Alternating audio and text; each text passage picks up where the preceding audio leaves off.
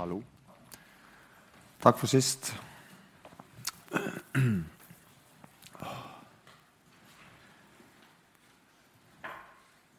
Um.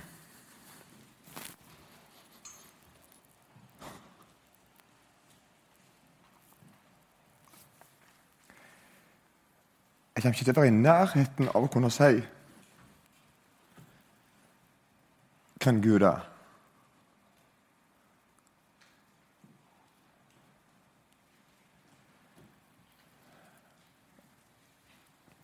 Men vi skal prøve likevel. Men jeg, jeg kjenner jeg er sånn Ja, jeg er, jeg er nesten redd, faktisk. Jeg er redd for at jeg skal si noe galt om Gud.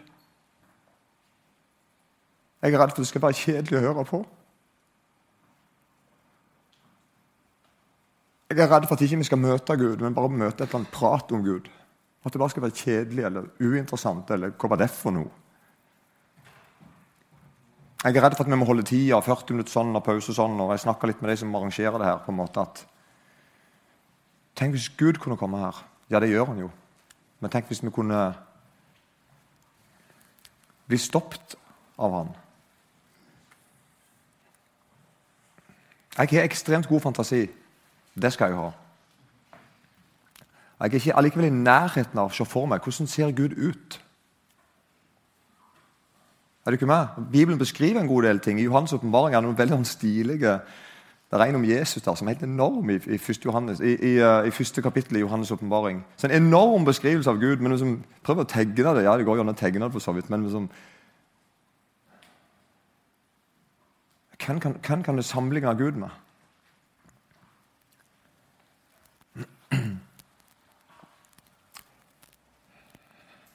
Kjære far, og kjære Jesus, og kjære Hellige Ånd.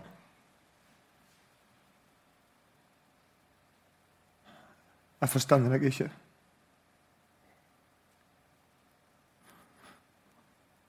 Jeg har ikke taket på deg. Jeg har ikke kontroll på deg.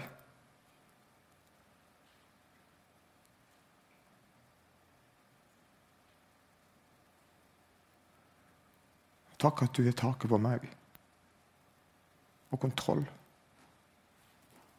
Og så er du tre, og så er du én. Og så straffer du, og så tilgir du. Det er så merkelig.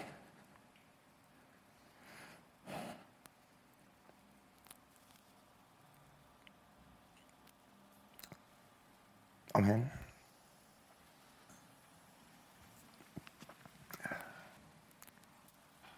Hva, hva, er det, hva, er det, på en måte, jeg tenkte på, hva, hva er det mest aktuelle for meg som er samla her? Og jeg tipper at Det mest aktuelle for meg som er samla her, er ikke liksom en masse teoretiske diskusjoner rundt hva du tenker om treenigheten osv. Jeg tipper at de, Noen gjør det her. Noen, går, noen, studerer teologi her, og noen leser Bibelen her litt mer enn andre, og noen leser noen spennende bøker fra andre land. Og, så det er sikkert noen her som diskuterer litt. Men for kristne flest så tenker jeg at de går ikke, har så mange sånn høytdravende tanker rundt treenigheten. Men egentlig har vi det. Altså egentlig I det daglige, når vi tenker på Gud, så er vi ofte inne på likevel litt med treenigheten.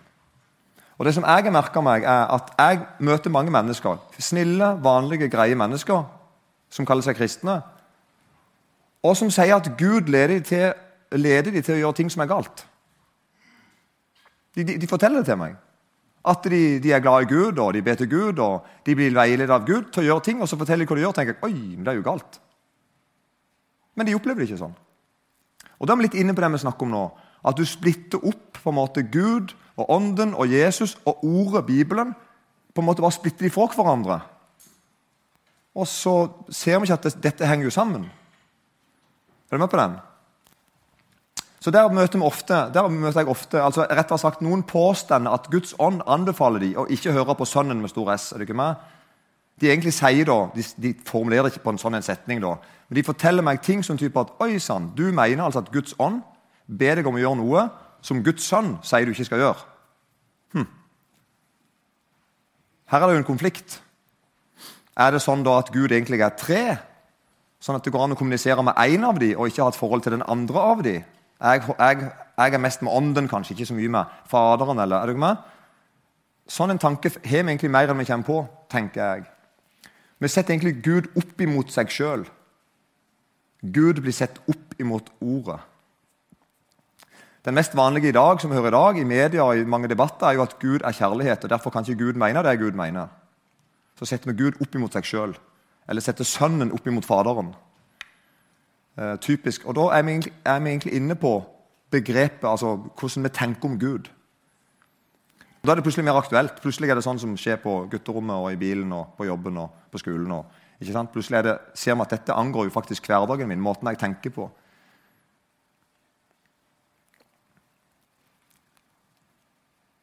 Reklame det jeg liker å få sagt mest mulig i en kort setning.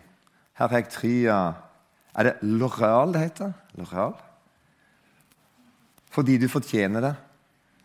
det. Det, går overalt. Skriftlig og muntlig. så finner du overalt. Det er på en måte et slagord de har. Vi kan det. Høres litt sånn tulletutter, men det er liksom det de lagt seg på. Eller Ali, da, som sier Ali kaffekurer gruff. Ganske kjent, han det. Og Lano, da. Lano for liten og Lano for stor. Jeg har hørt at det er østlandsdialekt på alle tre. da, men det jeg tror faktisk det er sånn at de skriver på østlandsdialekt.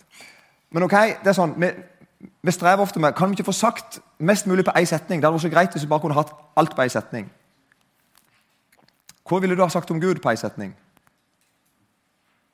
Gud er prikk, prikk, prikk. Hva hadde du sagt?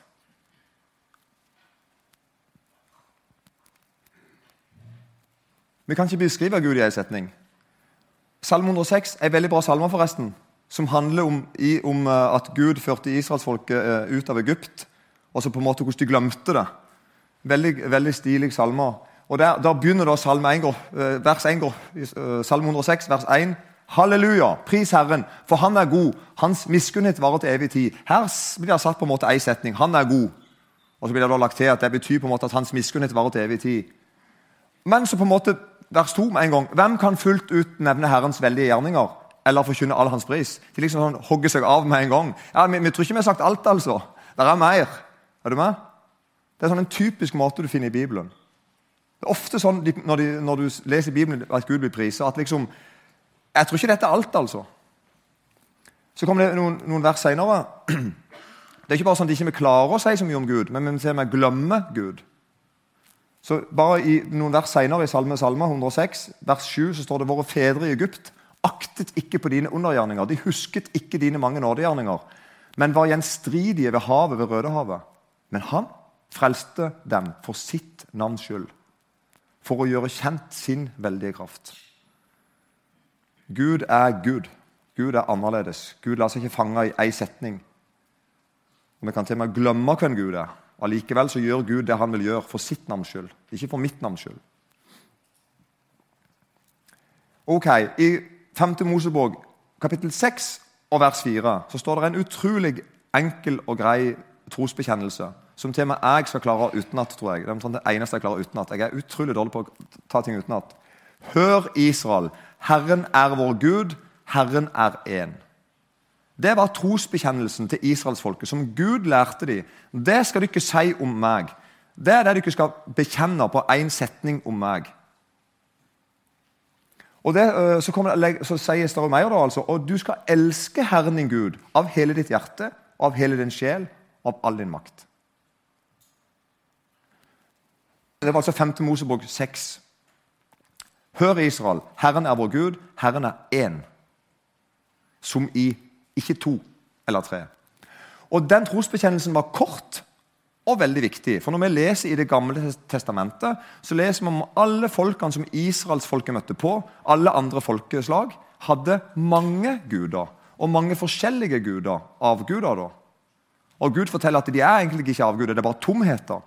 Og De blir ofte sånn harselert med at de har bein som ikke kan gå, og øyne som ikke kan se, og ører som ikke kan høre osv. Og, og vi leser at Gud utkonkurrerer på en måte avgudene når når han ser at han må det på den ene og andre måten. Mange spennende fortellinger i Bibelen om det. Men når israelsfolket da gikk på en måte fram, så var det, hva var spesielt med dem? De er én Gud. Og det er ikke bare at de er én Gud, men han er visstnok den eneste Gud. Så når, de, når, du da bekjenner at Gud er én, så sier du ikke bare at du tror at Gud er én, men du sier om alle de andre som ikke tror på den guden, men på noen andre guder. Det er feil, det du ikke tror på. Er du med? Så Det er, en, det er, det er veldig sånn majestetisk, det israelsfolket gjør. De går fram og sier at det er bare én Gud, og det er han vi tror på. underforstått dere andre tror på tror noe feil. Helt tatt feil. Og Gud er en nidkjær Gud. Det vil si, altså, han, han, er en slags hellig sjalu. skulle jeg si. Han, han tåler ikke at, jeg og at menneskene er opptatt av noen ting annet enn han. Og fordi han bare er én, så, så, har han ingen å dele deg med heller. Det er bare han. Hadde det vært 40 guder, eller 2000 guder, så måtte liksom de gudene ha delt litt på deg. da. Men Gud han er én og kommer til deg og sier du skal bare tro på meg. Med hele din, av hele ditt hjerte, av hele din sjel av all din makt. Du skal ikke dele. Gud vil ikke dele deg med noen andre. Og han alene er Gud. Så det Herren er én, det betyr egentlig Herren alene. Det er bare sånn majestetisk. Det er bare meg. Det er bare én Gud. Moses hadde gått 39-40 år og gitt sauene til svigerfar sin i ødemarka. Og fikk en dag sett en busk som brant. Det tror jeg ikke var så veldig uvanlig. Men han så denne busken brant ikke opp, så han går bort til busken. Jeg er i 2. Mosebok kapittel 3. Og så kommer vi til vers 13. Da er vi midt inne i en samtale. for da Det viser seg at det er Gud som er i busken. Og så forteller til Moses at nå skal du gå og fortelle til farao at han skal la folket reise ut fra Egypt. Og så etter hvert forstår Moses at Gud mener dette her. Han skal gjøre det. Og da etter hvert forstår Moses at når jeg nå går tilbake til folket, så kommer de til å spørre om hvem er det som har bedt deg om å gjøre dette. her? Og Derfor så spør Moses om det. Men når jeg kommer til Israels barn og sier til dem deres fedres Gud har sendt meg til dere, og, så, og de som spør hva er hans navn, hva skal jeg svare dem? Det var en vittig godt spørsmål. Hvem skal jeg si har sendt meg? Da sa Gud til Moses, 'Jeg er den jeg er.' Punktum. Og han sa, 'Så skal du si til Isaks barn:" 'Jeg er, har sendt meg til dere.' Vanvittig stilig navn. Guds navn er 'Jeg er'. Og han sier 'Jeg er den jeg er'. Og jeg tenker at det, det, For det første er det sånn Det er så, det er så konge å si det. Er du med? Liksom, jeg trenger ikke forklare meg, nærmest. Men jeg hører jo det er noe, det er noe omsorg i det. Du hadde ikke forstått om jeg sa det. Så bare si at 'jeg er den jeg er, har sendt deg'. Det holder lenge. De forstår. Jeg, jeg kan ikke forklare alt det jeg er. Dere skal få se etter hvert når jeg skal lede dere gjennom ødemarken og inn i nye landet. Du skal få se litt av hvem jeg er. Men jeg er. Og Samtidig er det noe sånn vi skjønner at hvis det er noen som er, så er det Gud. Vi gjenger med som spør om, lurer på om Gud fins. Bibelen snur bare sånn helt opp ned. Jeg lurer på om det er noe annet som fins enn bare han. Hvis det er noe som fins, så er det han. Og han er opphavet til alt som fins. Så det er et bra navn. Jeg er. Og så er det altså sånn det å si én ting om Gud for Nå har, vi, nå har Gud sagt eksempel, at 'jeg er'. Det er for så vidt å si én ting om seg sjøl. Eller Israels barn sa at han er den ene Gud. Det er bare han som er Gud. Det er jo egentlig vi som kommer med én setning. sant? Er du ikke med? Det må vi ofte gjøre. Vi må ofte ta én setning om Gud. Vel vitende om at dette er, ikke, dette er ikke alle setningene om Gud. Men akkurat nå må jeg si én setning om Gud. Er du ikke med? Nå er det en situasjon, nå er det en greie, nå, en, nå må jeg si én setning om Gud. Jeg kan ikke si to milliarder. Og Dessuten så er mange av de ikke aktuelle akkurat nå. Men akkurat nå må jeg si en ting. Derfor er det, kan det ha en avgjørende betydning at det er en setning du og jeg må si om Gud, som er situasjonsbestemte. Altså Det er nå eller aldri. Nå skal du si det. Det er nå det er viktig å si det. Og Det kan altså være forskjellige fra sted til sted fra tid til tid. Henger ikke med på dette? Ja. Og Dette er altså viktig. Jeg har skrevet overskrift her 'Å være pålitelig konservativ'. Eh, parentes, konservativ.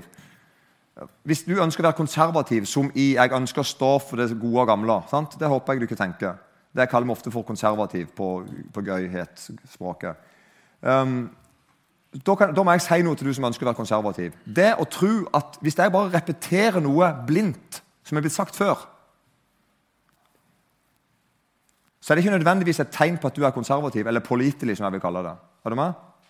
Dette er min påstand. Det er bare vi som sier at Nå bare tar jeg en setning, jeg bare, jeg bare velger en, og så går jeg og sier det bare rett inn i en tilfeldig uh, situasjon. Da er jeg vel konservativ. Nå sa jeg noe gammelt noe. på en måte. Altså Det å lage en kopi av noe som var før, før er ikke det samme som ekte saker. Det er det jeg prøver å si. Og Dette er litt viktig. For her ser jeg ofte at konservative kristne, meg sjøl inkludert, har en tendens til å gjøre nettopp det. For å si det på litt sånn tøysete måte Å si nøyaktig det samme i 2018 som en forkynner sa det i 1921 Da mener jeg altså ta det sitatet av en forkynner i 1921, og så, det, og så leser jeg det opp til deg. Det er ikke sikkert at jeg, at jeg sier det samme engang når jeg sier den. Jeg mener altså ikke at det er noe som var sant før og ikke er sant nå. Glem det. Det som er sant, det er sant. Til alle tider. Henger du ikke med på dette her? Det er en gudgitt timing. Det er helt tydelig at du, vi trenger åndens gave, vi trenger nådegave. Vi trenger Den hellige ånd. Vi trenger Gud må komme og gi oss på en måte rette ord i rette tid. Noe av Bibelen sier at vi, at vi skal be han om. Be om å få, få rett, de rette ordene i den rette tida. Det er mange som kan være ganske tydelige på bibelske sannheter.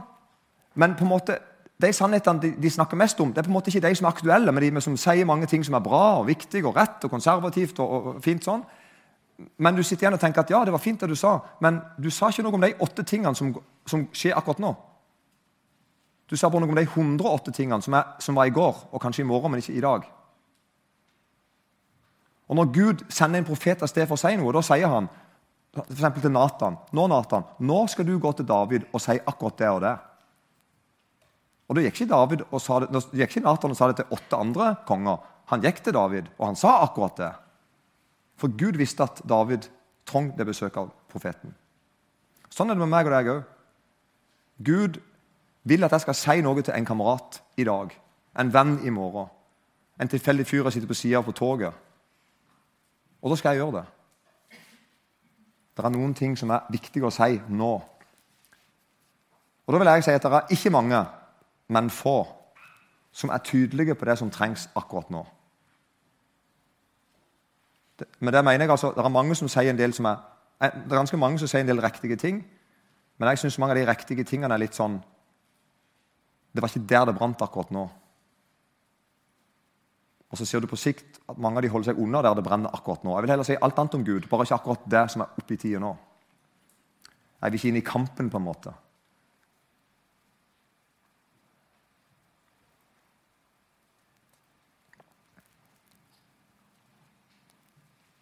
Kristne kan altså på en måte snakke seg bort, selv om det de sier, er mye sant om Gud. Og så vet vi likevel at til sjuende og sist er det Den hellige ånd som snakker til hjertet mitt. Det handler ikke til sjuende og sist om hva jeg sier og ikke sier, og hvor flink jeg måtte være til å forberede meg. og ikke og sånn. Til sjuende og sist er det Den hellige ånd som snakker inn i livet mitt og inn i min situasjon og i din situasjon. Det er ikke menneskeord. Ok. Reaksjoner på Jesus. Vi kommer til å være en del av Johannes-evangeliet i kveld, og litt i første Johannes-brev. Så Johannes han er, han er, bra på dette, syns jeg. Når vi, leser om, eh, når vi leser i evangeliene om Jesus, så ser vi ofte at de som hadde greia på Bibelen, altså på skriftene og profetene, de som hadde lest Gamle testamentet, som jeg kaller det, og som kjente det godt, det var ofte de som reagerte mest på Jesus. Iallfall det vi leser, så var det det. Vi tenker ofte at de var teite og dumme. liksom. Vi, ofte, i fall når jeg var liten, så fikk jeg framstilt ofte i sånn barneforkynnelse skulle jeg si, altså at, at de skriftlige fariserene var på en måte klin kokosfolk. De var sure og gretne og gikk rundt og burte og laug og hadde langt skjegg og flass i skjegget. hadde de sikkert. Skjønner du ikke? De var sikkert ikke greie med noen og bare masse dumme motiver. Det stemmer jo ufattelig dårlig. De var jo ekstremt dedikerte kristne. De var superkristne. De kunne Bibelen utenat. Og de drev med misjon og ga tienden og ba og fasta og, og, kjørte på. Så vi hadde jo, vi hadde jo lei flate, flate, i beundring og sett, og sett, på dem. Selvfølgelig hadde vi det. Og I tillegg var de ikke rike engang, så de var ikke sånne rike fysaker heller. Tvert imot. Og så kunne de Bibelen.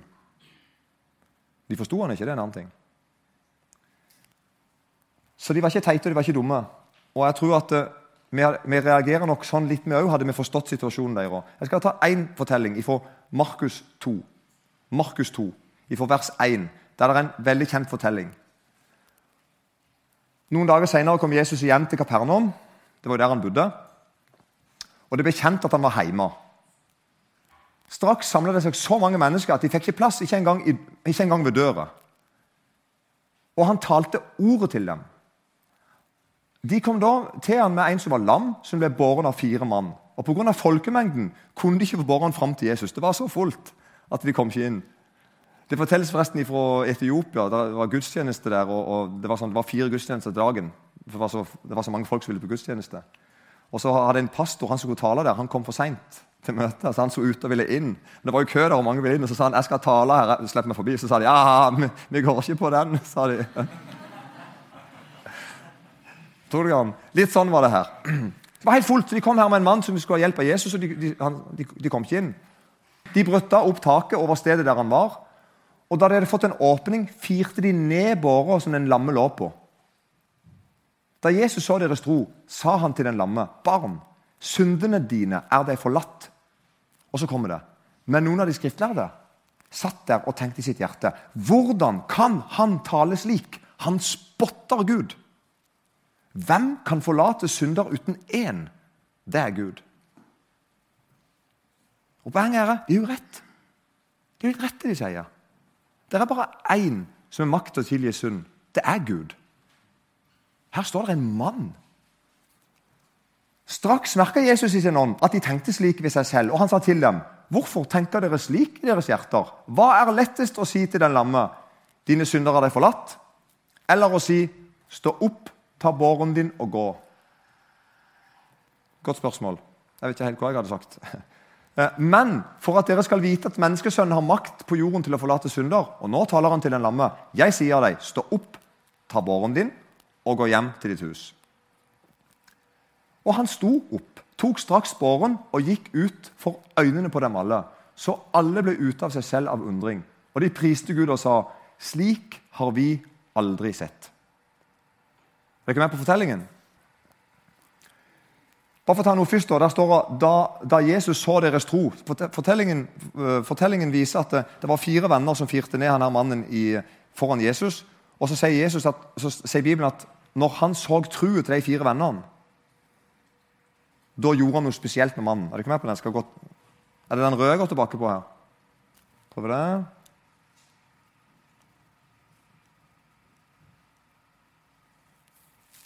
Vers 5. Da Jesus så deres tro, sa han til den lamme kolon, barn, syndene dine er deg forlatt. Med andre ord Jesus så ei tru hos de fire vennene. Vi tenker ofte at når, Jesus så hvor stor tru de hadde, eller når Jesus så hvor, et, eller annet sånn kvalitetsmessig med tru deres. Men det er ikke det som er poenget. Poenget er at når Jesus så hva de trodde om han, så sa Jesus jeg vil tilgi syndene dine. sant, den lamme. Hva betyr det? Jo, det betyr jo det at de fire vennene så at Jesus kan tilgi synd. Og det er det vi ønsker mest for vår venn som er lam. Er det ikke med? Mange kom til Jesus med, med sykdommene sine, og Jesus så at disse her jeg kan helbrede, og han helbreder. Her fortelles det at Jesus så at de trodde noe mer om han, nemlig at han kan tilgi synd. Og Derfor så står det her som en slags logikk bare. Da Jesus så deres tro, sa han til den lamme, 'Barn, synden er deg forlatt'. De fire vennene hadde omsorg først og fremst for sjela til den lamme. De visste at det er ille å være lam, men det er verre å gå fortapt. Og så gjør da Jesus det som Jesus alltid gjør, nemlig at når han gjør et under, så er det et tegn. Han, det at mannen står opp og tar båre og går ut, bare på en måte understreker det faktum at jeg er Gud, jeg kan tilgi synd, og jeg har makt over kroppene deres, helsa deres, naturkreftene her. Jeg er Herre. Og Derfor blir de helt slått av undring. Så hva er lettest å si at dine synder er forlatt? og ta båret og gå? Ja, Det er lettest å si at dine synder er forlatt, for det kan ingen sjekke. tenker jeg. På en måte, er du med? Det, det er bare noe, Du kan bare si det. Ja, jeg tilgir deg, og så mener du ikke. Men Jesus understreker det med mannen tok båra og gikk. Så tenkte de wow, kan han være Gud?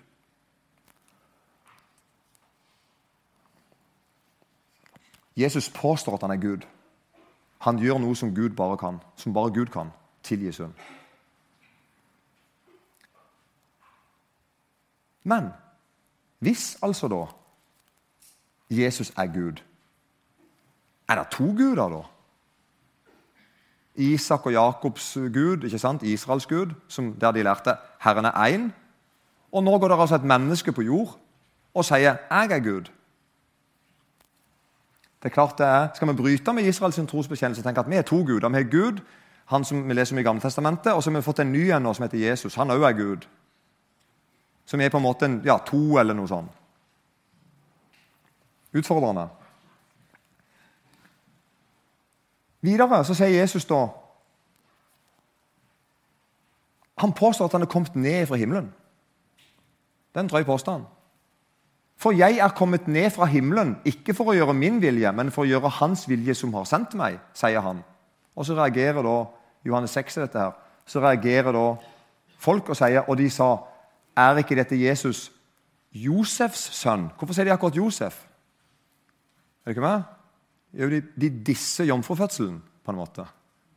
De trekker i tvil jo, om Josef er faren til Jesus eller ikke. Er det ikke med? Det var sikkert Josef som var faren allikevel, og ikke Den hellige ånd. Sant? Og så legger de til etterpå Kjenner vi ikke både hans far og hans mor?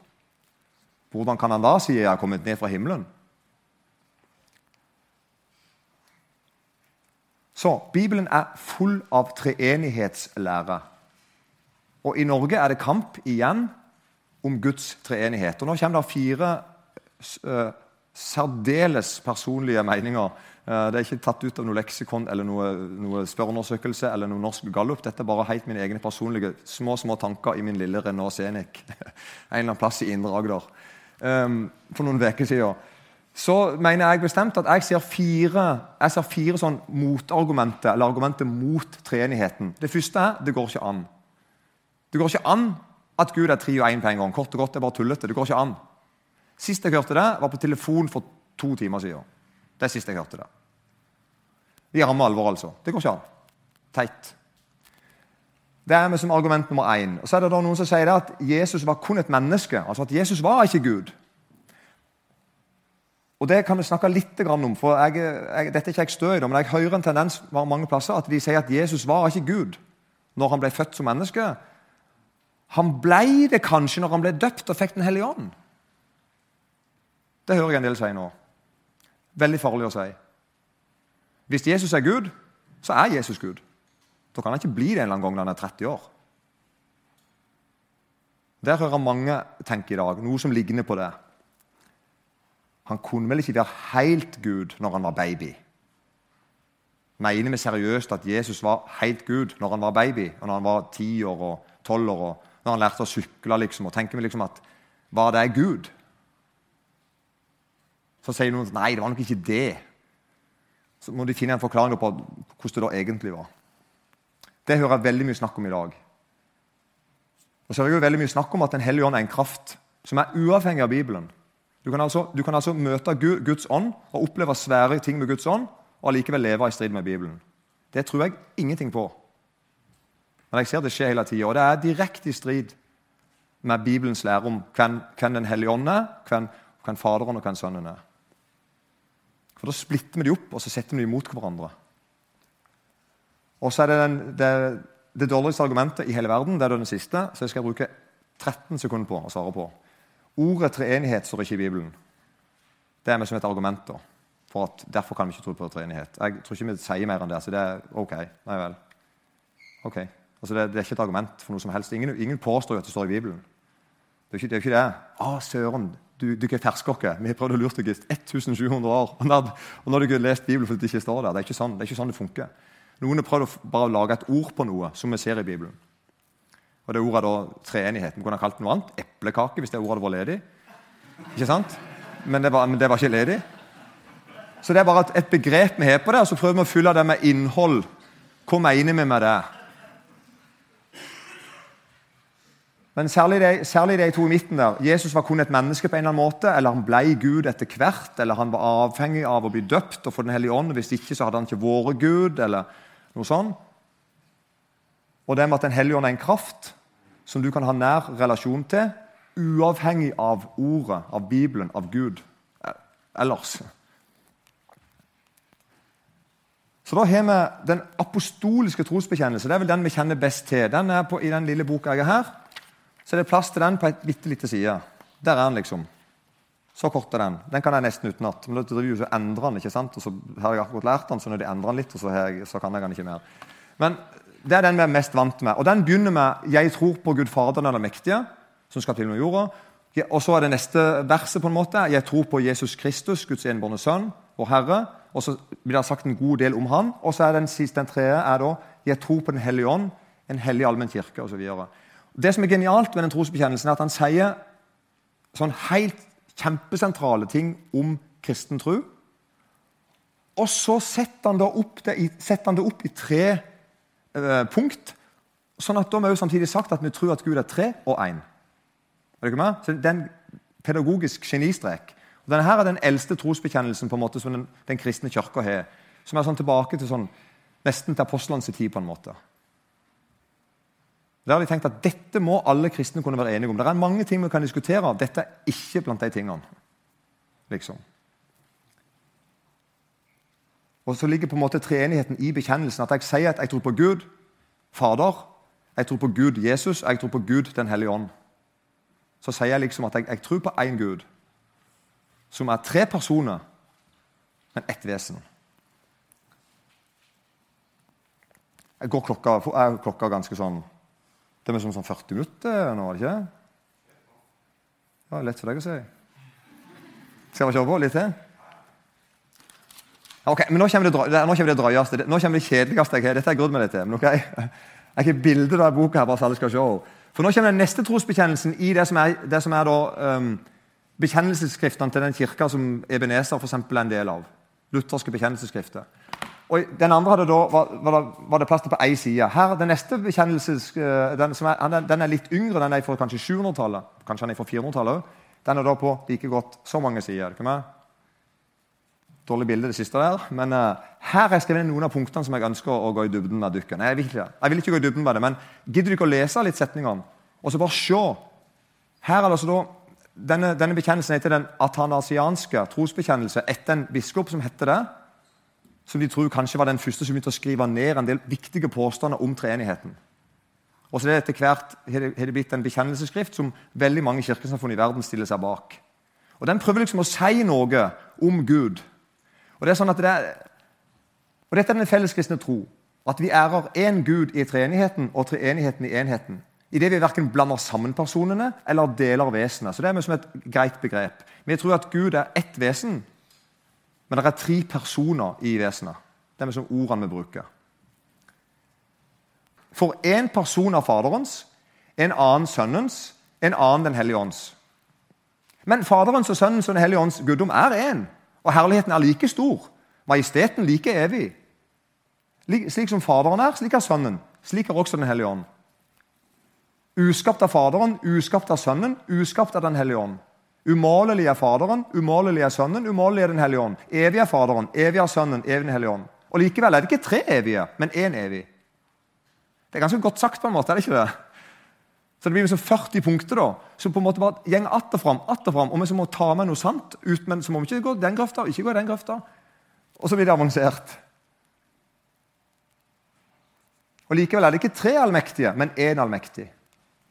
Slik, faderen, slik er Faderen Gud, Sønnen Gud, Den hellige ånd Gud. Og Likevel er det ikke tre guder, men én Gud. Slik er Faderen Herre, Sønnen Herre, Den hellige ånd Herre.